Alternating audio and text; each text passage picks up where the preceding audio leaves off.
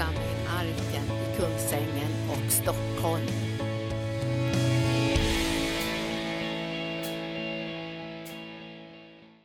Halleluja! Visst är det härligt att ni är här idag. Det allra viktigaste i livet är att vi får komma samman och fira gudstjänst. Ni vet ju att Israels barn skulle lämna Egypten efter många, många år i fångenskap, då säger ju Moses till farao, släpp mitt folk, släpp Guds folk, så att de får gå ut i öknen och fira gudstjänst. Själva gudsrelationen var liksom signum för själva folkets hjärta och identitet. För allt vi gör i arken, i arken och genom arken har sin förutsättning att du och jag kommer samman till gudstjänst. Vi tänker på sabbaten så att vi helgar den till Herren. Här hämtar vi styrka, här får vi tillbedja, här får vi möta varandra, får vi be för varandra, höra profetiska ord. Och fika ihop och känna att vi hör samman i den här kallelsen och uppdraget som Gud har gett oss. Så tack Jesus för den här dagen. Idag och nästa söndag kommer jag ha tema. Jag kommer att tala om lidande och förföljelse för Jesu namns skull. Hur vi måste rusta oss för den här yttersta tiden och det kommer att vara väldigt positivt. När ni läser tidningar nu och sociala medier och sånt där, så talar man mycket om att det finns desinformation och trollkonton och fake news som ska hindra nu den här demokratiska processen när det gäller valet som kommer nu. 2018. Och man säger att den här desinformationen, de här trollkontona är till för att splittra i landet och skapa liksom illvilja och splittring mellan olika kategorier och grupper i Sverige. Och man har ju också anklagelser att det skedde någonting i valet i Amerika och det är många trollkonton. Nu vet ju vi att när vi talar om troll så talar vi också om ondskans makter. Och jag tänkte i morse på de här tre barnböckerna jag har skrivit. Läs gärna dem även om du är vuxen. Den första boken, Prinsessan Stenhjärta, handlar ju om att bli född på nytt. Eller det, det var den andra boken. Den första boken heter ju Ängeln Hanna, det handlar om att behålla sitt hjärta rent. Vi vet ju att en tredjedel av alla änglar föll med Lucifer, med Satan, ormen och draken. Men det fanns änglar som inte föll. Och de mesta av änglarna finns ju kvar. Och jag ville skriva då den här boken om ängeln Hanna som behöll sitt hjärta rent. När andra föll och andra bedrog och andra lurades av Lucifer så vägrade hon och ville hålla sitt hjärta rent. Och den tredje boken som heter Prinsessan, Prinsessan och trollspegeln handlar ju om att se sig själv i rätt spegel.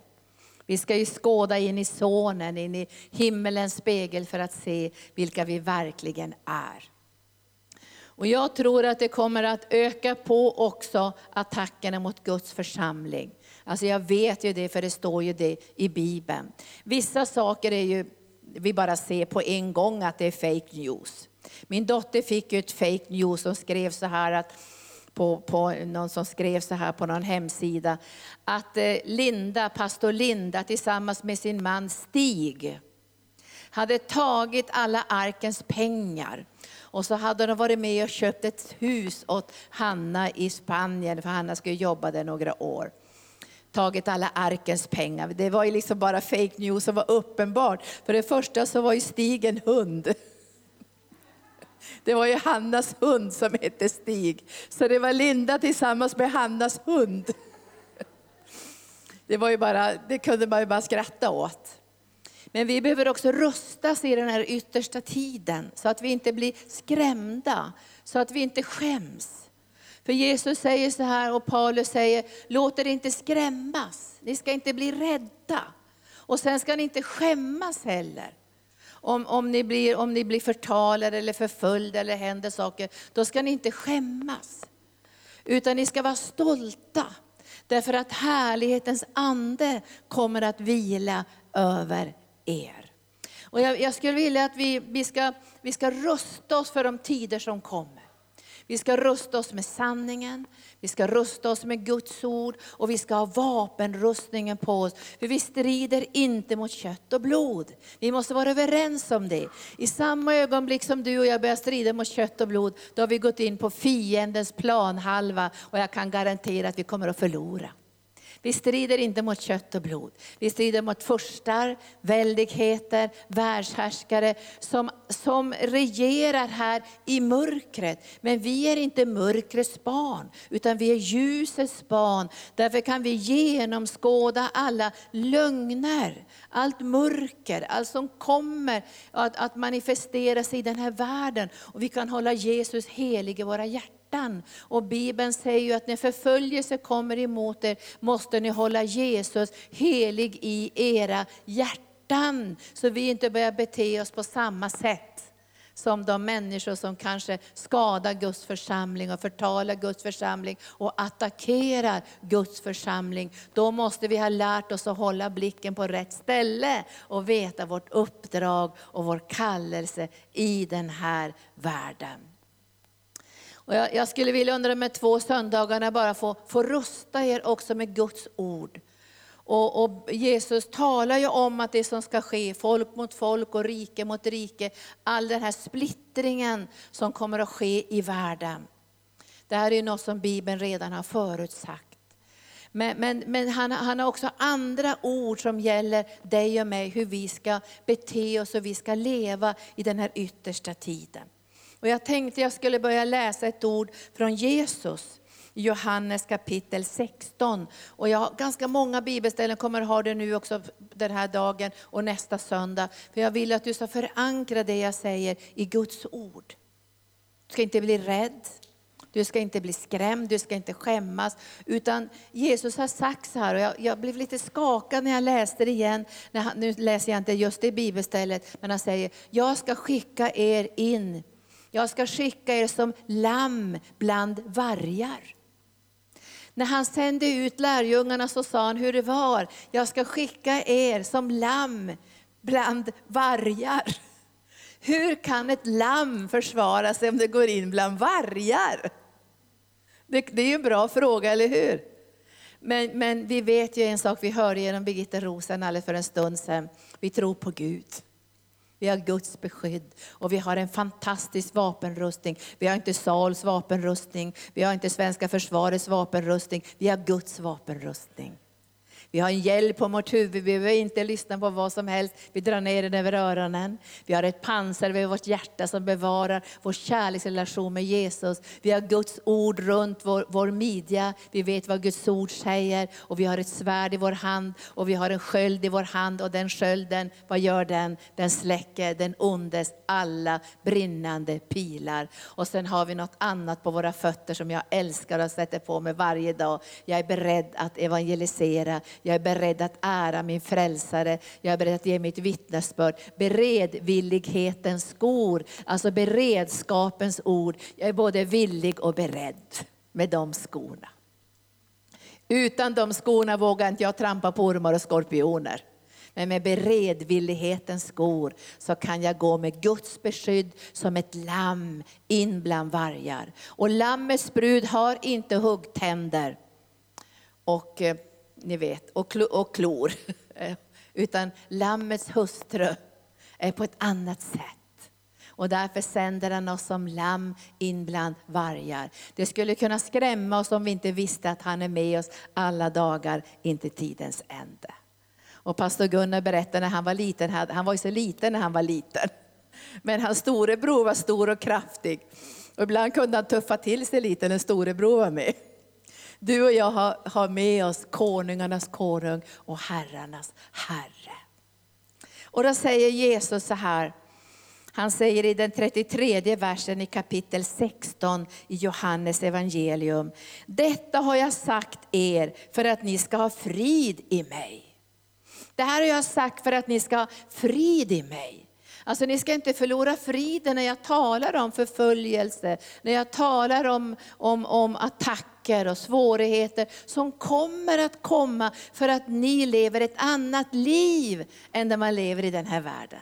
Och vi måste förstå varför lider vi? Vi lider inte för att vi är dumma och kärlekslösa, utan vi lider för det här namnets skull, som är över alla andra namn. Det enda namn som kan medla mellan Gud och människa. Det enda namn som hela andevärlden böjer sig för. Vi bär det namnet, vi är döpta till det namnet. Vi vittnar vittnar om det namnet. Vi bereder plats för det namnet. Och då måste vi veta idag att när vi gör det så skakar det till i andevärlden och det blir en konfrontation. Och så säger Jesus så här, i världen får ni lida, men var frimodiga. Jag har övervunnit världen. Vilket utgångsläge! Vi ska få behålla friden, vi ska vara frimodiga. Jag tycker om ordet frimodighet, jag tycker det är ett så vackert ord. Jag brukar dela upp det i tre. Fri, modig och het. Frimodighet, vi ska vara fria, vi ska vara modiga och vi ska vara heta. Och vi ska bevara friden på insidan, för vi förstår varför vi får lida. Och vi behöver också öppna våra hjärtan för ett rätt lidande, för Jesus skull. Vi behöver förstå att det här måste vi gå in i om vi ska stå för evangelium, för den kristna moralen, för det som är rätt genom Guds ord. Om vi ska stå för det som Guds ord säger, så måste vi också vara beredda på den konfrontation som kommer att följa i dess fotspår. Men vi måste handskas rätt med den. Halleluja. I världen får ni lida, men var frimodiga, för jag har övervunnit världen. Och sen säger Paulus till den unga Timoteus i andra Timoteusbrevet, så säger han till honom, du måste förstå varför du får lida i den här tiden. Andra Timoteusbrevet kapitel 3, och jag läser redan ifrån versen 10. Och så talar han till den unga Timoteus, du ska gå i mina fotspår. Och gång på gång säger han till Timoteus, följ mig som jag följer Jesus. Och nu ska du gå också i, mitt, i mina fotspår Timoteus. Och du får inte skämmas för att jag bär bojor för evangeliets skull. Och han säger i Filipperbrevet, ni måste veta varför jag bär de här bojorna. Jag bär de här bojorna inte för att jag har gjort ett brott, utan jag bär de här bojorna för evangelium. Och han satt i fängelse under långa tider, därför att han vägrade att kompromissa när det gällde evangelium. Paulus säger här i den tionde versen i kapitel 3 andra Timoteusbrevet, men du har troget följt mig i lära och liv, i målsättning och tro, i tålamod och kärlek och uthållighet, i de förföljelser och lidanden som drabbade mig i Antiochia, i Konum och Lystra. Vilka förföljelser har jag inte fått utstå. Men så säger han, men Herren har räddat mig ur dem alla. Halleluja. Han har räddat mig ur dem alla. Och jag tror att han säger så här, han har räddat mig på ett sånt sätt, jag blev inte bitter, jag, jag tappade inte tron, jag blev inte förtvivlad, jag, jag ville inte sluta tjäna Gud, utan han, han räddade både mitt hjärta och mitt liv. Och vid ett tillfälle säger han att vi hade, det var, var en sån förföljelse, att vi, vi bara visste att vi skulle bli dödade. Och vi visste att vi skulle börja tänka på uppståndelsen ifrån de döda. Men så räddar han oss även denna gång. Och så säger han till Paulus, så kommer alla, stryk under alla för jag tror att du och jag står med där också så kommer alla som vill leva gudfruktigt i Kristus Jesus att bli förföljda så kommer alla som vill leva gudfruktigt i Jesus Kristus att bli förföljda. Jag läser bara vad Guds ord säger. Men onda människor och bedragare ska gå allt längre i sin ondska. De bedrar och är själva bedragna. Men däremot du, håll fast vid det du har lärt dig och, och blivit övertygad om. Du vet av vilka du har lärt dig det och du känner det från barndomen. De heliga skrifterna som kan göra dig vis så att du blir frälst genom tron på Kristus. För hela skriften är utandad av Gud och nyttig till undervisning, till rättavisning, upprättelse och fostran i rättfärdighet. Så att Guds människan blir fullt färdig väl rustad för varje Guds gärning. Och vi behöver bli rustade för den här yttersta tiden, så vi kan klara, klara både förföljelser, trollkonton, attacker mot Guds församling. Och jag läste nu i Kina, ni kan ju läsa Open Doors rapporter om ni vill, hur de bränner kyrkorna på många ställen. De, det blir väldiga attacker mot de församlingar som vill fira gudstjänst. Och det viktigaste är att vi ska fira gudstjänst. Kosta vad det kosta vill, vi kommer alltid att fira gudstjänst. Och ära Jesus och lyfta upp Jesus. Och sen, då, då tar jag punkten ett. Varför blir det förföljelse? Jag läste det redan här, för du vill leva gudfruktigt. Du vill leva i fruktan för Gud. Du vill älska Gud. Därför kommer du att få uppleva det här. Och den första punkten jag har, för ordets skull. De som vill hålla sig till ordet. Som inte vill kompromissa med ordet. Djävulen vill att du ska kompromissa med ordet, för då har du ingen kraft i mötet med mörkrets makter. Och den bedrägeri och de attacker som kommer mot ditt liv och mot församlingens liv. Och när Jesus möter Satan i öknen så attackerar han honom på område efter område. Men varje gång så möter Jesus honom med orden, det står skrivet. Det står skrivet. Jesus kompromissade inte ett ögonblick med ordet, för han visste att det stod i skriften att genom hans ord skulle allting bäras. Det står i Bibeln, allting uppehålls genom Guds ord. Jesus är ordet. Jesus är ordet. Och den första förföljelsen som jag vill tala om nu, det gäller ordet. Och vi ska läsa ifrån Matteus 13 och 21. När det står där om människor som tar emot ordet med glädje, men sen kommer det förföljelse för ordets skull. Och då faller de. Vi kan läsa ifrån, vill du läsa hela den här liknelsen så, så står den ju i sin helhet där. Men, men jag, lä, jag tror att jag börjar läsa från 18 versen ifrån kapitel 13 och 18. Så hör vad som menas med liknelsen om såningsmannen.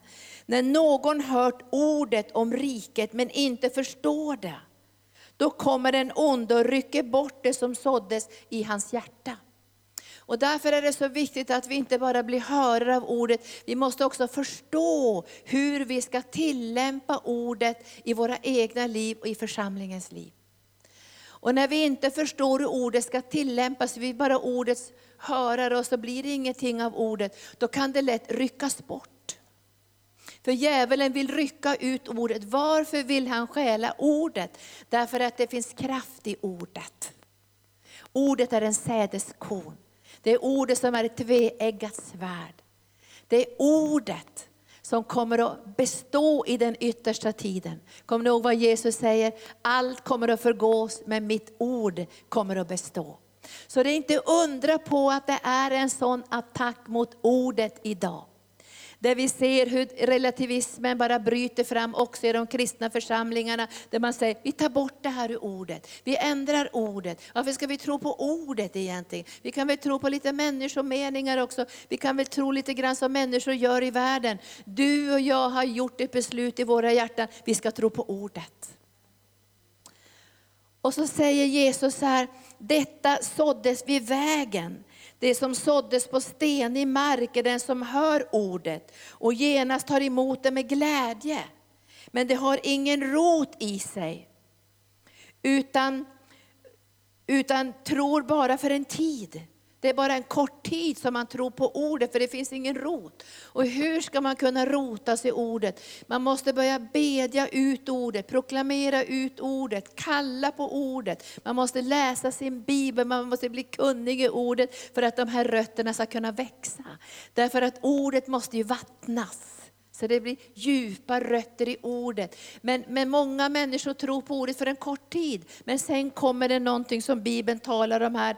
De möter lidande eller förföljelse för ordets skull. Då kommer han genast på fall. Lidande eller förföljelse för ordets skull. Och jag har sagt till Herren så här, jag har sagt till Herren i, i bön så här, att jag vill vara villig att lida för ordets skull. Jag har byggt mitt, ord på, mitt liv på Guds ord. Guds ord är en klippa. Allt kommer att skaka men Guds ord kommer att bestå. Men jag vill också be, låt mig förstå ordet. Låt mig kunna tillämpa ordet. Jag bör kunna leva genom ordet. För Jesus säger ju, vi ska inte bara leva av bröd, vi ska leva av varje ord som utgår ur Guds mun. Vi får lida för ordets skull. Och jag, jag har tänkt så här, hur ska man kunna älska ordet? Jo, man kan älska ordet om man förstår att Jesus är ordet. Han är den manifesterade bilden eller uppenbarelsen av Guds ord. Allt som Gud är, allt som Gud gör uppenbaras genom ordet Jesus Kristus.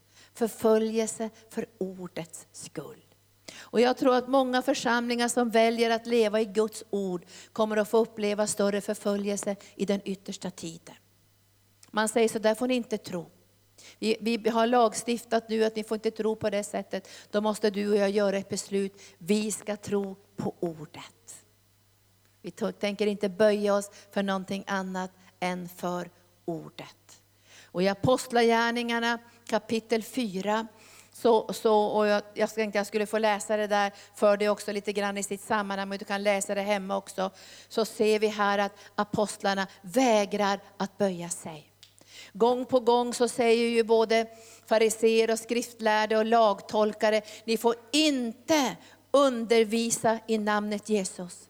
Ni får inte predika namnet Jesus. Därför det blev ju sån otrolig turbulens av den övernaturliga församlingen som hade byggt sitt liv på klippan Jesus. Bygger vi församlingen på människomeningar kommer ingen kraft. Det kan se bra ut ett tag. Men det blir ingen kraft som kan förlös, förlösas därför att det under och tecken följer ordet. Visste ni det? Det är under och tecken som följer ordet. När vi predikar ordet så stadfäster Gud ordet med under och tecken. Det här visste den första församlingen. Så de predikade ordet. Och i Apostlagärningarna 4 blir det en sån fruktansvärd turbulens, så man sätter dem i fängelse. Och då säger de så här, döm själva, ska vi lyda er mer än vi ska lyda Gud? Döm själva. Och så säger de så här, vi måste predika evangelium. Och vi får ta konsekvenserna av det. Och jag ska bara läsa Apostlagärningarna 6 och 40, så säger de där, vi har aktats värdiga att få lida för det här namnets skull. Du kan läsa det här sen i sitt sammanhang. Jag tror jag sa fel där, jag ska, jag ska läsa ifrån 4 och tror att det är 4 och 40. Nu tappar jag bort det här.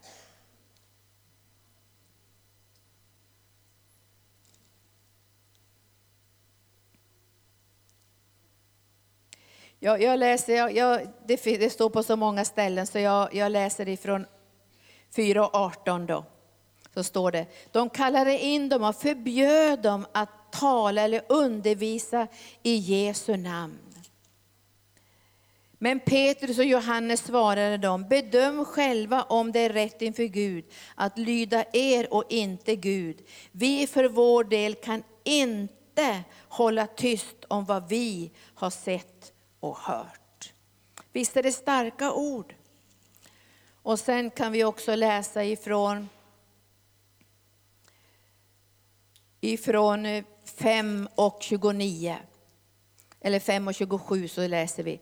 När de hade blivit hämtade så ställdes de inför stora rådet och översteprästerna förhörde dem och sa, har vi inte strängt förbjudit er att undervisa i det namnet? Och nu har ni fyllt Jerusalem med lära och vill att en mannens blod ska komma över oss.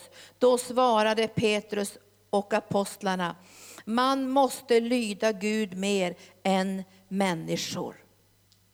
Och I Apostlagärningarna 4 så kan ni läsa om den frimodighet som uttrycktes genom hela församlingen. För de hade bestämt sig för att vi ska följa Jesus. Vi ska lyda Guds ord och vi ska vittna om evangelium. Tack Jesus. Jag ska läsa för det här. De kom tillbaka till sina egna. I 4 och 23 så står det att de kom samman i bön. Och så började de proklamera ut i den 27 versen. Ja, de gaddade verkligen ihop sig i denna stad mot din heliga tjänare Jesus som du har smort. Allt det här handlar om Jesus, för att du och jag kopplade ihop med Jesus. När du och jag förstår det här, då förstår vi också den här äran att få lida för namnet. Alltså vi tar inte saker på ett privat och personligt sätt. Allt det här handlar om Jesus. Det är en ära för oss att få lida för det här namnets skull. För Gud har lyft det här namnet över alla andra namn. Och apostlarna säger så här, Herodes och Pontius Pilatus gick samman med hedningarna och Israels stammar för att utföra det som du med din hand och ditt beslut hade förutbestämt. Och nu säger de i 29 versen, och nu Herre, se hur de hotar oss. Se hur de hotar oss. Hjälp dina tjänare att frimodigt förkunna ditt ord. Vilken bra bön. Hjälp nu deras, dina tjänare. För den här attacken som kommer ifrån Guds ord, den kan skaka om oss. Den kan göra oss rädda. Vi tycker inte om att bli illa omtyckta eller förtalade eller vi får problem på arbetsplatsen platsen eller någonting annat. Därför du har bestämt att du ska predika Guds ord och ingenting annat. Man skulle kunna predika för att hålla sig vän med alla. Ja men alla kommer att bli frälsta till sist. Jag hör ju sån predikan från Amerika. Alla kommer att bli frälsta till sist. Det är klart att Gud är god. Han vill ju inte att någon ska gå förlorad. Utan alla kommer att bli frälsta till sist. Ja men då behöver vi inte korset längre. Då behöver vi inte försoningen längre. Då behöver människor inte avgöra sig för Jesus. Då behöver de inte bli födda på nytt. Men du och jag kommer ju undan. Vi kan, det är klart att Gud är god. Vad då blodet och försoningen? Det kan vi glömma nu. Gud är god, alla kommer att bli änglar. Varenda en kommer att bli en ängel och sitta på ett moln. Gud är god. Men du och jag måste veta vad som är Guds ord och människomeningar. Och Jesus hade gjort ett djupaste beslut att tro på Guds ord. Så när Petrus till och med börjar förmana Jesus att ta en lättare väg. Och han använder ju ordet då, men Gud är ju god. Jesus inte kan väl, kan väl Gud vilja att du ska dö? Han är ju god. Han har säkert en annan väg för dig. Du ska väl inte behöva lida på det sättet som du säger, för Gud är ju god. Vad svarar Jesus då? Han vände sig om mot Petrus. Vem, vem tror ni står bakom Petrus? Det är inte en ängel, det är djävulen själv. Och, och, och, Jesus säger, gå bort Satan och stå mig inte i vägen, för dina tankar är människotankar och inte Guds tankar. Guds tankar kommer via Guds ord. Och nu är lärjungarna skakade och du och jag kommer också bli skakade. Alltså vi kommer att känna hjälp. Vågar vi stå för Guds ord i den här tiden? Vågar vi stå för en kristen moral? Vågar vi stå för det som Guds ord säger om den dubbla utgången? Vågar vi stå för det här? Om de här var skakade så blir väl du och jag skakade också. Men de har en bön i sina hjärtan. Och jag vill be tillsammans med apostlarna och säga så här, nu Herre hjälp oss, se hur de hotar oss, hjälp dina tjänare att frimodigt förkunna ditt ord. Och sen vet de att det måste vara under och tecken. Det måste komma under och tecken. Det går inte bara att predika Guds ord, vi måste få under och tecken som följer ordet. Eller hur? Och de ber om det. Gud, om vi nu ska stå för ditt ord i denna yttersta tid, då måste det bli under och tecken. Då måste du stadfästa ordet med under och tecken. Och de är så medvetna om att det måste bli under och tecken. Det hade ju blivit det när den lame mannen fick, fick hälsan och kraften tillbaka i sina ben. Då var det ett tecken som tydde på att Gud var levande här på jorden. Och så ber de, vet du vilken bra bön, vers 30. Du hjälp dina tjänare att frimodigt förkunna ditt ord genom att du sträcker ut din hand och låter helande tecken och under ske genom din helige tjänare Jesu namn. Helande tecken och under. Vi ska be om det nu i den yttersta tiden. Helande under och tecken. För ska vi stå för Guds ord så måste Gud stadfästa det. Och det är inte fel att be det. Gud, vi står för ditt ord. Vi står som församling för ditt ord. Vi tänker inte böja oss. Vi tänker inte ha människomeningar. Vi tänker inte gå in i relativismen där man tycker att allt som vad du tycker är bra är bra, vad jag tycker är bra, vi är lite människomeningar. Utan vi tänker bygga på klippan Jesus och vi vet att dödsrikets portar kommer inte att vara församlingen övermäktig. Därför vi står på Guds ord och vi bygger med Guds ord. Men vi måste få under och tecken. Och nu ber du om det här. Vi måste få hjälp Gud att predika ditt ord. Kom med under och tecken. När vi predikar Guds ord så förvänta dig nu när du börjar vittna för människor att det blir under och tecken och helanden. Där du börjar berätta för någon granne så här att, att du behöver bli frälst för att du kanske förlorar din evighet. Så känner man, gode Gud vad jobbigt att säga det här. Att det finns en väg öppen rakt in i Guds hjärta. Att Jesu blod har runnit för din frälsning. Och så måste du förvänta dig att Gud ska gripa in. Du kanske frågar, har du ett andligt behov? Behöver du hjälp? Är det något med dina barn, din arbetsplats eller är du sjuk i din kropp? Och så sätter du tro till med din lilla darriga hand. Och så tänker du så här, jag har ju bett att han ska sträcka ut sin hand. Eller hur? Det var inte min darriga hand. Hans fasta hand var utsträckt och så lägger jag min hand i hans fasta hand och så förväntar jag mig vad då? Under och tecken. Jag läser vidare här, de fick bönesvar på en gång. Halleluja. Jag läser det för dig. När de hade bett, när de hade bett så gick alla hem deprimerade och rädda. Oroliga djupt i sina hjärtan.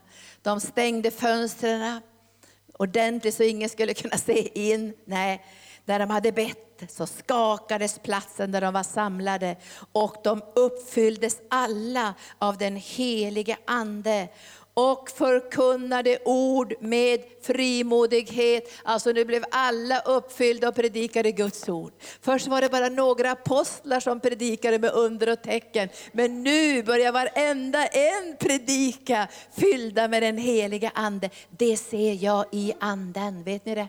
Jag ser det i anden. Och jag ser i anden att du som är här i församlingen och gäster och ser mig via också TV och internet kommer att bli fylld av den heliga ande och bli en frimodig förkunnare av evangelium. Halleluja! Gud kommer att använda dig och du kommer att få berätta vad Jesus har gjort och du kommer att få använda Guds ord och så kommer Gud att stadfästa ordet med helande under och tecken arken. Hela platsen skakade. Och jag önskar av hela mitt hjärta att arken ska skakas. Inte av splittringar och problem och attacker. Vi ska skakas av kraft. Skakas av kraft. Och så har jag ett ord, tänkte ska vi skakas av kraft? Ja men det står ju i Bibeln, vi ska få ett mått, vad står det? Ett mått som är skakat. För Gud vill ge oss mer. Och det känns så här att, att om vi ska be om mer, vi vill ju be om mer, då måste vi också förbereda oss för starkare konfrontationer ifrån mörkret utan att bli rädda och skrämda och skämmas. Och Paulus säger till Timoteus, skäms inte för mig, för jag bär inte de här bojorna för att jag är en brottsling, jag bär de här bojorna för evangelium. Så är det första området som du måste bara bereda dig för det är, ska vi vara en församling som är trogen ordet, så kommer vi att komma in i konfrontation, kanske lidande och förföljelse för ordets skull. Men Gud har lovat att bevara och beskydda oss och låta under och tecken ske genom sin heliga tjänare Jesu namn. Och andra punkten jag vill ta idag, för jag ska inte hålla på så länge, det är från första Petrus 4 och 3 där det står att vi kommer att bli hånade för att vi har valt en kristen moral. Moralen. Jag tror att förföljelse kommer att komma mot kristna för att vi kommer att säga så här, vi har en annan moral. Vet ni att alla människor har lika värde? Visst tror ni på det också?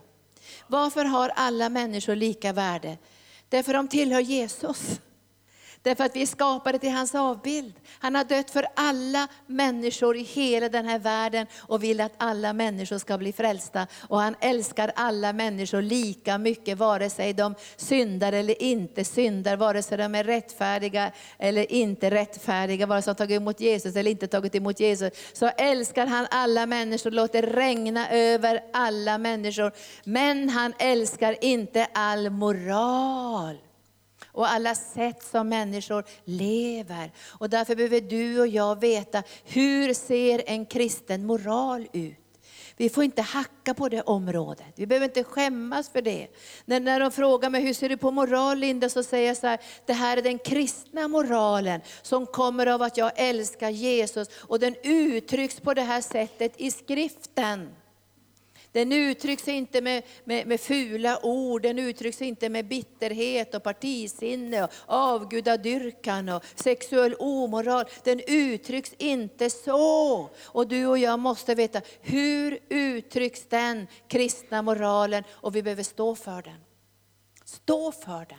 Och jag har tänkt ibland på unga människor som är i sån oren miljö någon oren miljö. Och jag tänkte, hur klarar de av det här, de som ska vara med nu på olympiska spelen?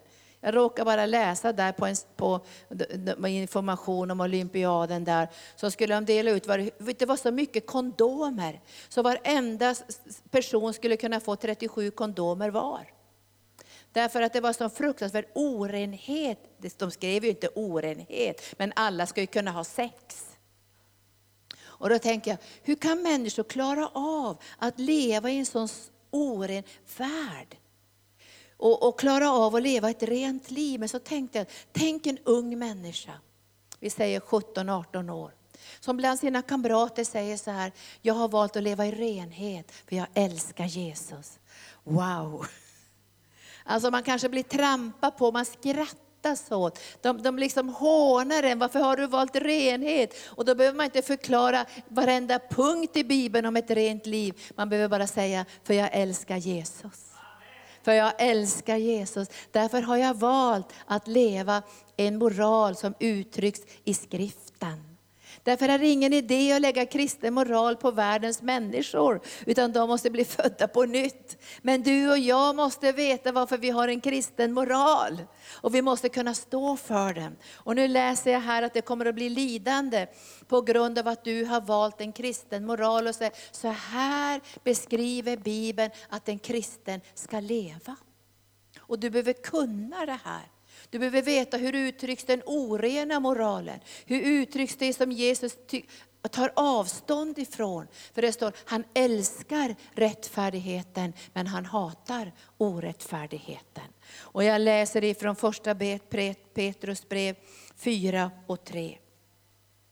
Första Petrus brev 4 och 3. Så säger Paulus så här. Länge nog har ni levt som hedningarna vill. I orgier, i begär, i fylleri, i supkalas och vilda fester och förbjudna avgudakulter. Därför blir de förvånade och hånar er när ni inte längre följer med och kastar er ut i samma ström av utsvävningar. Så säger han i tolfte versen. Mina älskade, var inte förvånade över den eld som ni måste gå igenom för att prövas. som det var någonting oväntat som skulle hända er. Nej, gläd er ju mer ni får dela Kristi lidanden. Då ska ni också få jubla och vara glada när han uppenbarar sig i sin härlighet. 14 versen 4 och 14 ta till dig det här ordet. Saliga är ni om ni hånas för Kristi namns skull. Jag levde otukt innan jag var frälst. Jag hade en oren sexuell moral kan man säga, därför jag är ju född på 40-talet och kom in i den här fria sexuella revolutionen. Även om jag var ung och ofrälst så kände jag att det var orent, men jag kunde inte förklara det. Så det här är inte bra. Det här är inte bra. Men sen när jag blev frälst så sa jag, så här vill inte jag leva längre.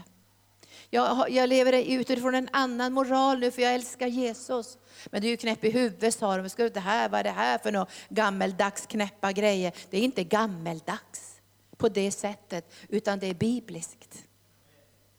För man kan säga att det är bara gammeldags, det här är bara gamla människor som står upp på sånt där konstig moral. Vi måste få vara fria och leva lite hur som helst nu. Jesus älskar ju oss ändå. Vi har ju nåd utöver nåd. Synda aldrig på nåden.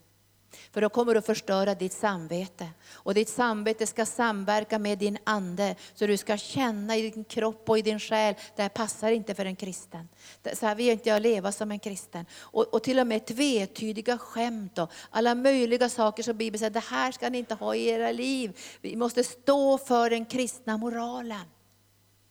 Och då säger han så här, så fantastiska ord. Saliga är ni om ni hånas för Kristi namns skull.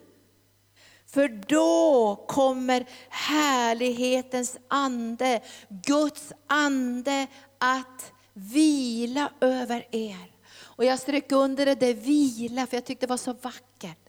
Alltså jag kanske sitter och bara blir hånad. Vad är du för tråkgubbe och, och, och tråkig tjej? Och varför kan inte du dricka med oss? Och varför röker inte du som vi andra? Det är klart vi ska pröva på det sexuella. Det är klart vi ska bli lite sambo och testa det sexuella om vi passar ihop. Och så säger du nej.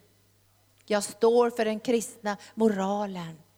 Och jag måste göra det för Jesu Kristi namns skull, därför att Andens frukt är kärlek, glädje, frid, mildhet, godhet, återhållsamhet, självbehärskning. Jag läser alla de här frukterna. Det är Andens frukter, uttrycken för ett liv som är sammankopplat med Gud härlighetens ande. Man kan sitta mitt i hånet, mitt i attackerna och bara känna halleluja.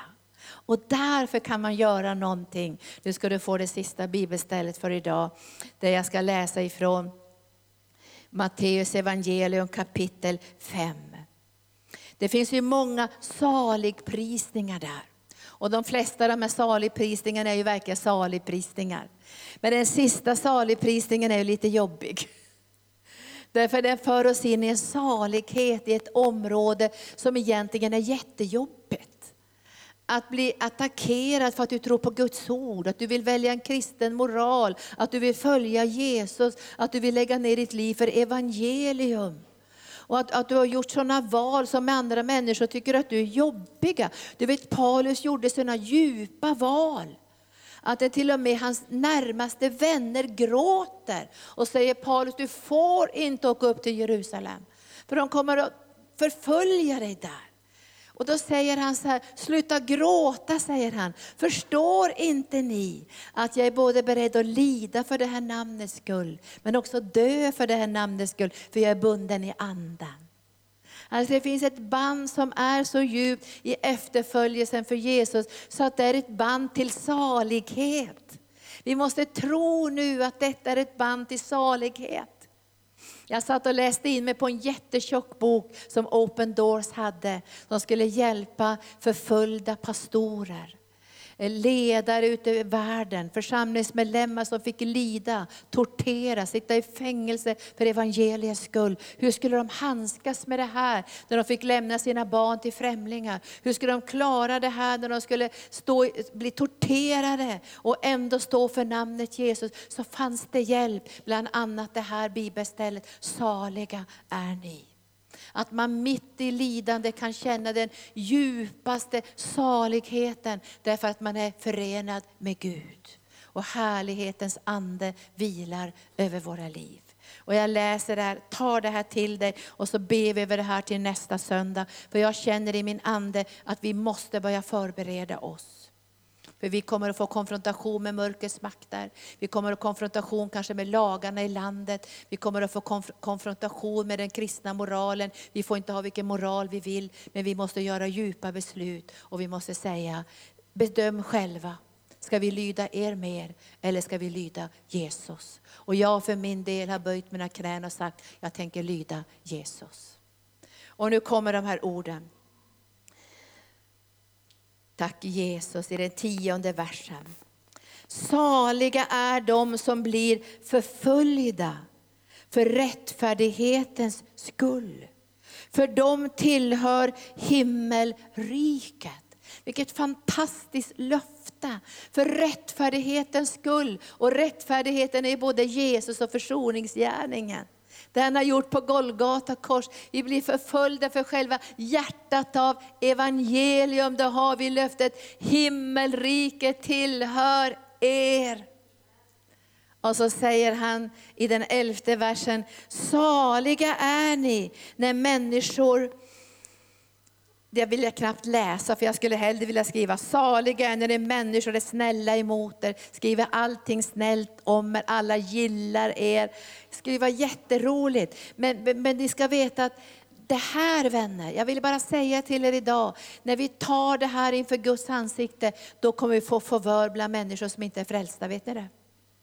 Alltså det här kommer att bidra till människors frälsning, att vi står för någonting. Det kommer att väcka förundran, det kommer att väcka beundran, det kommer att väcka frågor. Vilka är de här som står för sin tro? Vilka är de här som står för sin kristna moral? Vilka är de här som står för ordet? Det kommer att väcka beundran. Men de som vacklar, de som sviker för Jesu namns skull, att det blir förföljelse. De som bara säger, nej, nej, nej, vi tror egentligen inte så mycket på det här. Vem vill följa någonting sånt? Vem vill bli frälst? Så det här som sker nu i anden för fram till en gigantisk väckelse. Gigantisk väckelse. Och jag läser nu, saliga är ni när människor hånar och förföljer er och ljuger och säger allt möjligt ont om er för min skull. För min skull. När har jag strykit under, jag vill helst inte bli hånad och förtalad för att jag missköter mig. Eller att jag och Stig har tagit arkens pengar. Jag, jag log när jag läste det där, hennes make Stig. Så dåligt insatta var de så de visste inte att det var en hund.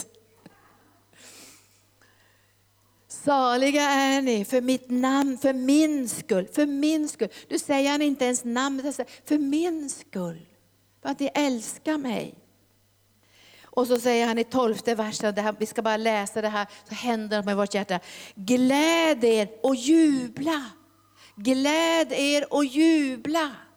Det, det, går inte att glädjas och jubla om man inte har ett evighetsperspektiv. Gläd er och jubla, för er lön är stor i himlen. På samma sätt förföljde man profeterna före er. Tack Jesus. Och vi ska göra, vi kan börja göra ett litet beslut idag. Vi får ju fördjupa det beslutet varje dag, men vi ska hålla oss till ordet och till den kristna moralen. Sen säger jag så här, jag kan inte välja vad ni ska göra. Ni står, ni, det finns kristna som säger att ja, men vi vill, vill inte ha den här moralen, vi vill ta en annan moral. Jag säger, jag kan inte säga något om er, ni får stå inför Gud. Men jag har bestämt att jag måste följa vad Guds ord säger och hålla mig till den kristna moralen. Däremot tänker jag inte tvinga världen att ha en kristen moral. Men vi som följer Jesus behöver veta det. Så här uttrycks den kristna moralen. Och den kristna moralen kan vi framför allt se dess uttryckssätt i Jesu liv, Paulus liv, Petrus liv alla de apostlarna som följde Jesus och var med och fick vara med och berätta för oss i hela nya testamentet, apostlagärningarna och breven om hur en kristen ska leva sitt liv i den här världen. Så nu tackar jag dig Herre. Jag vet Gud att du håller på att förbereda ditt folk att gå in i en konfrontation som är nödvändig för att människor ska bli frälsta. En konfrontation som är nödvändig mellan ljus och mörker.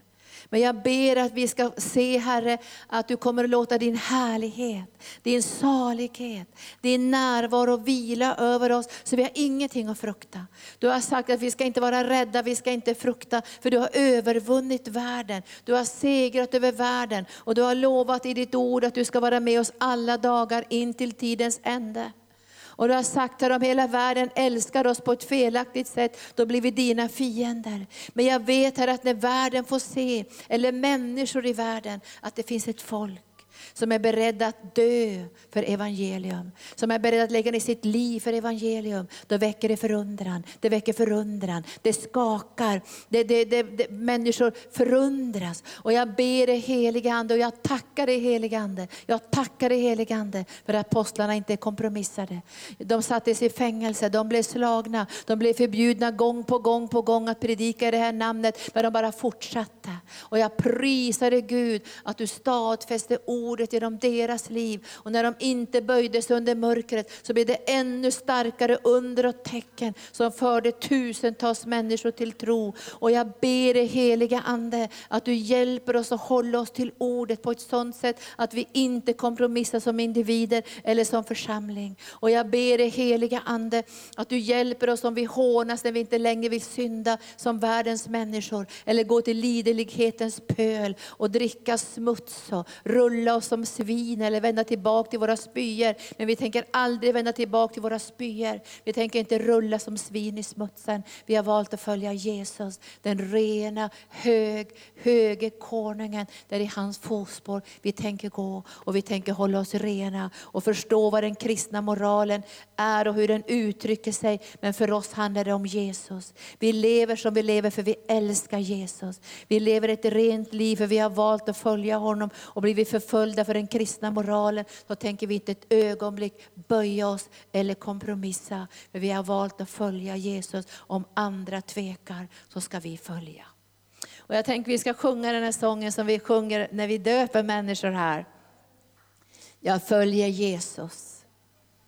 Jag följer Jesus. Ja, tänk så här, jag, jag, vet inte om jag är beredd att bli torterad eller dödad för Jesus skull. Men jag tänker så här att om den dagen kommer vill jag vara beredd. Och jag tror om den dagen kommer så får jag nåd. Så nästa söndag ska jag tala om nåd och kraft. För Paulus säger, jag har fått nåd att lida för hans namns skull. Och så säger Bibeln så här, jag har blivit fruktsam i lidandes landet. Tänk att bära frukt i lidandes landet. Hur lätt blir vi inte bittra och besvikna och arga och upprörda. Men tänk att bära frukt i lidandes landet. Vilken ära för Gud. Och vi ska sjunga den här sången och vi ska besluta idag från djupet av vårt hjärta, så mycket som det går och vad vi har tro för, att vi ska stå för Guds ordet. Och bara säga till människor, det är Jesus som är Guds ord. Jag kan inte kompromissa. Vi kan inte ändra evangelium. Om Bibeln säger att avgudadyrkan är avskyvärd, ja men då släpper vi inte in det i vår kyrka. Vi säger nej till det, platsen ska vara helig. Och pastor Gunnar och jag säger många, många gånger så här, platsen måste bevaras helig. Men sen får alla människor komma hit. Alltså man får komma hit, vem som helst får vara här i kyrkan. För att möta Jesus. Men för, för, dig som har vandrat med Gud och känner Gud, måste du kunna berätta för människor som undrar, hur, ska, hur ser den kristna moralen ut? Och då kan du visa det i skriften, framförallt på Jesus. Den här förvandlingsprocessen kommer att ske i ditt liv när du älskar Jesus. Så man känner igen den. Du kommer inte längre tycka om att titta på porr, du kommer inte längre tycka om att orena, du kommer avsky de här orena sexuella sakerna. Du kommer inte tycka om det här mer. Och då måste du förstå, varför sker det här i ditt liv? För att du älskar Jesus såklart. Så vi måste förklara för människor, det kommer ske någonting. Men då måste vi vara övertygade om att den kristna moralen är Guds vilja för oss som älskar Jesus. Vi kan inte sitta och vara druckna med dem som dricker. Alltså det är ingen kristen evangelisation. Vi måste leva ett rent liv så det ska synas. Det ska stå så här, ni ska lysa som himla ljus i världen. Halleluja. Som vi har beslutat. Och vi gör det här som en proklamation idag. Ordet och moralen, det är de här två första sakerna som vi kommer att känna av nu, inte kanske imorgon, men tiden lider kommer vi att känna av det här. Kanske genom lagstiftning, genom saker som sker i samhället. Och då måste vi ha gjort de här besluten utan rädsla och utan skam. Tack Jesus. Tack för att du har lyssnat. Vill du få del av mer information om församlingen Arken, vår helande tjänst, bibelskola och övriga arbete, gå in på www.arken.org.